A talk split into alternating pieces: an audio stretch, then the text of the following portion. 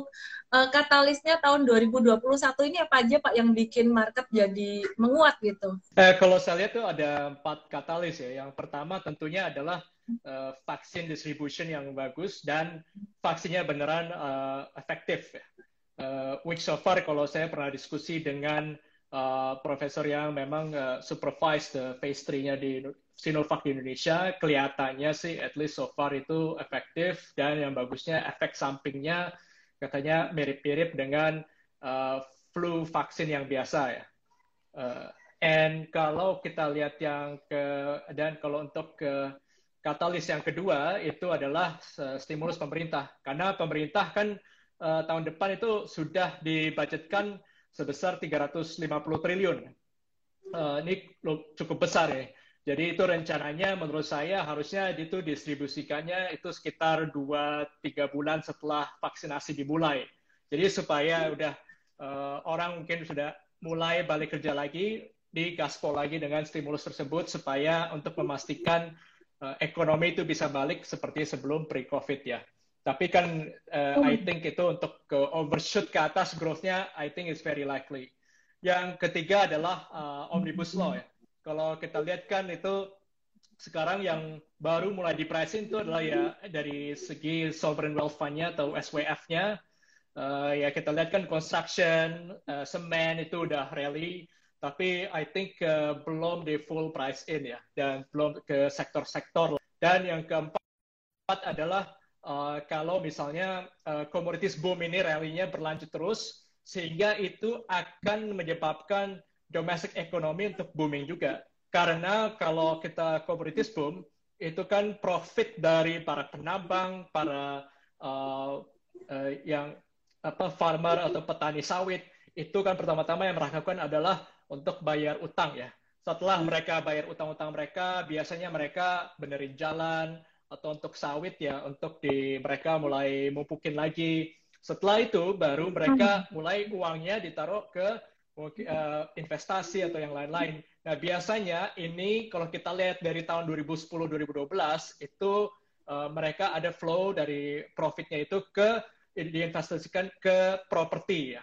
propertinya di Jakarta juga, bisa di Bali juga. Jadi kalau mereka sudah mulai masukin ke properti itu uangnya, itu bagus buat ekonomi. Kenapa? Karena properti itu uh, untuk bangun sebuah properti biasanya in general itu lebih dari 8% bahan bakunya itu lokal.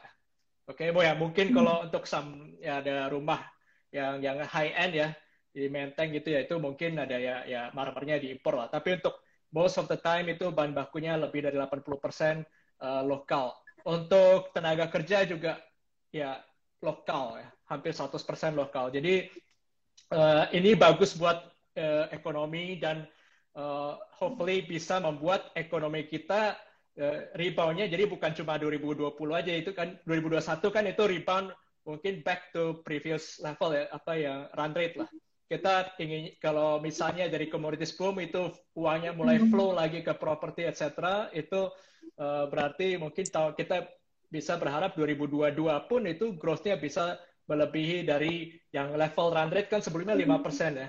Oke, okay, hopefully bisa lebih dari lima persen seperti lima setengah persen atau enam persen ya. So itu akan membuat uh, uh, eh, optimisme untuk ekonomi lebih tinggi dan juga uh, untuk indeks tentunya. Karena kalau komoditas boom terus, ini rupiah udah pasti nggak bakal segini terus. Udah pa itu pasti akan eventually ke 13 ribu gitu. Oke, okay, oke. Okay. Suaranya nggak putus-putus, Pak. Oke, teman-teman yang tadi ketinggalan, saya summary ini ya. Tadi Pak uh, Sebastian bilang apa? Kalau misalkan ada yang kurang, tambahin aja ya, Pak ya. Jadi, kalau untuk menurut Pak Sebastian dari Tegas Sekuritas, IHSG itu berpotensi menuju 7.100 di tahun 2021 nanti. Dengan earnings-nya 21 persen, uh, earnings, sorry, 25 persen untuk earnings growth di 2021, uh, dan juga 9 persen di 2022. Kalau ada yang keliru, tolong dikoreksi ya Pak ya. Dan ya, dan juga di sini uh, Pak Sebastian uh, menggarisbawahi ada empat katalis di tahun 2021 yaitu distribusi vaksin. Vaksin kalau terdistribusi dengan bagus dan juga efektif ketika digunakan bisa melawan COVID-19, mengantisipasi COVID-19 dengan baik. Itu akan jadi katalis yang sangat positif sekali. Kemudian yang kedua, stimulus sebesar 900 juta US dollar ini ini akan sangat mendorong perekonomian dan juga untuk uh, omnibus law sendiri menurut Pak Sebastian akan sangat mendorong perekonomian juga uh, khususnya melalui sovereign wealth fund dan juga akan ada permintaan uh, peningkatan demand ya masyarakat yang sangat tinggi sekali.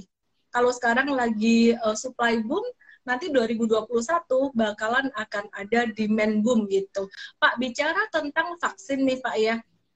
Bicara tentang vaksin uh, yang akan didistribusikan di 2021 nanti, ini kan masih progres, masih berjalan. Nah, sedangkan uh, hari ini kita melihat bahwa ini ada breaking news. Saya nggak tahu nih entah benar atau enggak. Justru malah lihat dari teman-teman netizen di London, di UK, ini di lockdown lagi. Gimana Pak kalau Pak Sebastian ngelihat uh, challenge dalam jangka pendek ada lockdown di sana?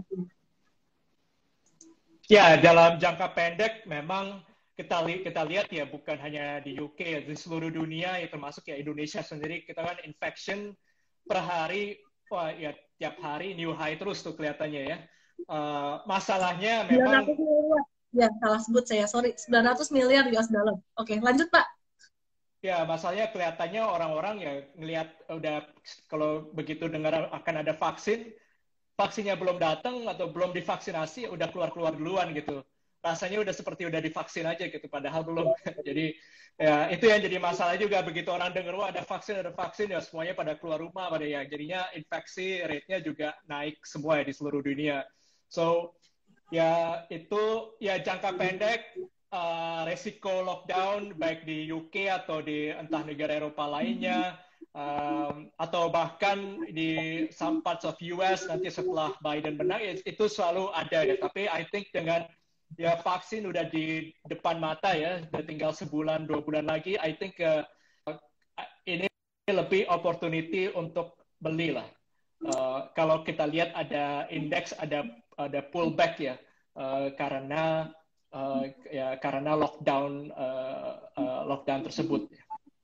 Oke oke oke. Ya. Jadi uh, Pak Sebastian ngelihat misalkan ini market turun karena adanya lockdown di London, ini jadi satu kesempatan yang sangat bagus sekali sama sih Pak, saya saya juga sangat setuju sekali. Uh, jadi teman-teman kalau kita ngelihat katalis di tahun 2021 nanti, ini masih banyak yang positifnya daripada yang negatifnya gitu. Karena kalau kita melihat uh, indikator dari perekonomian sendiri, uh, tingkat mobilitas saya juga sempat baca di risetnya Trimegah ya Pak ya, ini tingkat mobilitas sudah mulai meningkat gitu. Kayak udah vaksinnya kayak udah beredar aja, padahal sebenarnya COVID masih ada. Oke, okay. Pak Sebastian, mungkin bisa diceritain juga kalau komoditas ini gimana Pak? Untuk rally komoditas ini gimana? Kan ini komoditas udah naik tinggi ya. Ini apakah upside-nya masih ada atau gimana? Oh, saya yakin kalau untuk uh, tiga bulan ke depan itu uh, komoditas itu masih akan rally, terutama untuk komoditas-komoditas yang uh, terkait dengan ekonomi ya. Eh, jadi bedanya kalau misalnya emas itu kan lebih ke komoditas yang uh, terkait dengan peredaran uang ya.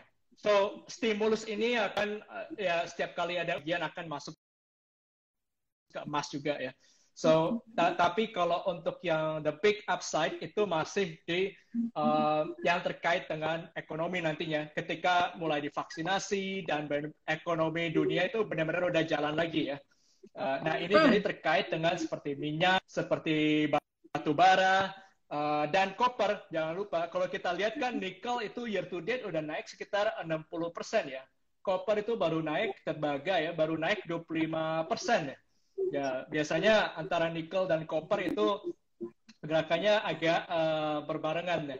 Nah, ke, kita lihat kan juga kebanyakan perusahaan-perusahaan emas ya seperti Merdeka, Copper and Gold, uh, Newmont yang uh, Medco punya 30% ya. Itu selain dari gold, mereka juga punya copper. Ya, itu mungkin orang sempat uh, udah kelupaan gitu, tapi sebenarnya uh, ada hmm. coppernya juga karena biasanya orang ngomongin goldnya kan.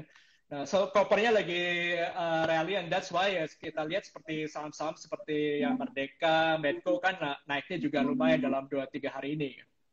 Hmm, Oke okay, Pak, uh, jadi untuk komoditi sendiri masih bisa menguat ya. Nah hari ini uh, tadi MDKA itu rally kenceng banget karena ada berita stimulus kemarin ya ada mulai titik terang untuk stimulus Pak.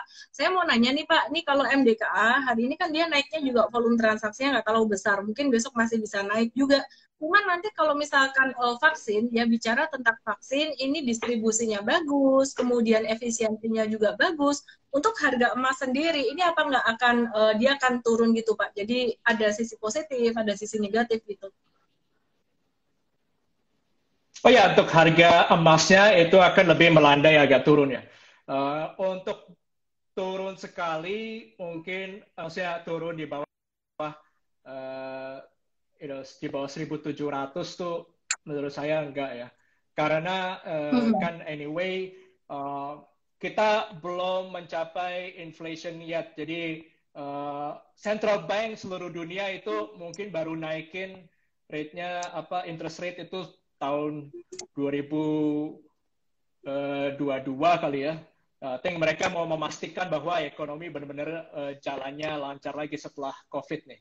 So uh, I think baru tahun 2022 ya itu ada resiko di emas lah untuk benar-benar untuk turun lebih dalam ya. Tapi untuk sekarang I think uh, mungkin the copper itu akan bisa dalam jangka pendek the copper uh, bisa naik lagi and that will support memang I think sudah bisa lebih if ya kalau misalnya seperti Merdeka atau uh, seperti Medco uh, ada further another 20 30 persen dan itu mungkin lebih udah lebih hati-hati by then it probably udah mulai price in a lot of the copper increase juga. Oke okay, oke. Okay.